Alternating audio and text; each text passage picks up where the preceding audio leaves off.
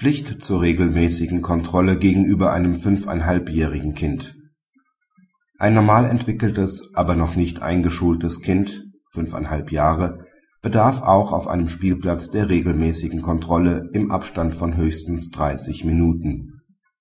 Der Sachverhalt entspricht dem der zuvor besprochenen Entscheidung, jedoch wurden ausschließlich die Eltern des fünf Jahre und viereinhalb Monate alten P verklagt.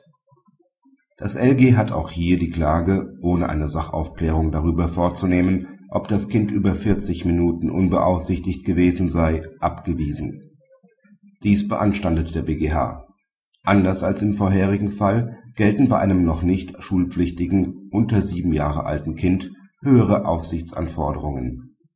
Bei gleichen Umständen (also Belehrung, Verbot den Spielplatz zu verlassen) ist wegen der größeren Unreife und der damit verbundenen Gefahr, im Rahmen des kindlichen Spiel und Erkundungstriebs den Spielplatz verbotswidrig zu verlassen, eine regelmäßige Kontrolle in 30 Minuten nicht überschreitenden Abständen erforderlich. Das LG hatte eine Kontrolle alle 40 bis 60 Minuten für ausreichend angesehen. Zwar ist bei Minderjährigen, die zu üblen Streichen oder zu Straftaten neigen, eine erhöhte Aufsicht geboten, die bloße Übertretung der Hausordnung (also Offenstehenlassen der Haustür) gebe auch keinen Anlass für eine erhöhte Aufsicht, so der BgH die Ansicht des LG bestätigt. Anders als das LG bewertet der BgH aber den überwachungsfreien Zeitraum. Ab einem Alter von vier Jahren ist zwar Kindern ein Freiraum einzuräumen, eine Kontrolle ist aber in kurzen Zeitabständen erforderlich. Der BgH legt den Kontrollabstand bei einem Kind von fünfeinhalb Jahren auf höchstens 30 Minuten fest.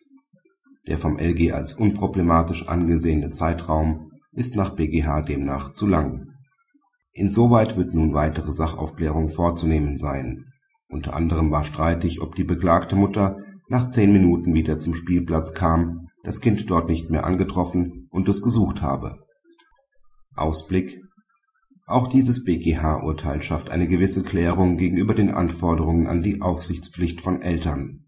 Eine Zäsur liegt dabei, wie letztlich auch vom Gesetz vorgegeben, bei sieben Jahren bei der Sachverhaltsaufklärung nach der Zurückverweisung wird sich für das LG auch die Frage stellen, wann der Schaden an dem Fahrzeug des Klägers eingetreten ist. Wenn dies innerhalb der ersten 30 Minuten war, wird es neben der Frage einer Verletzung der Aufsichtspflicht auch um die Kausalität einer etwaigen Aufsichtspflichtverletzung gehen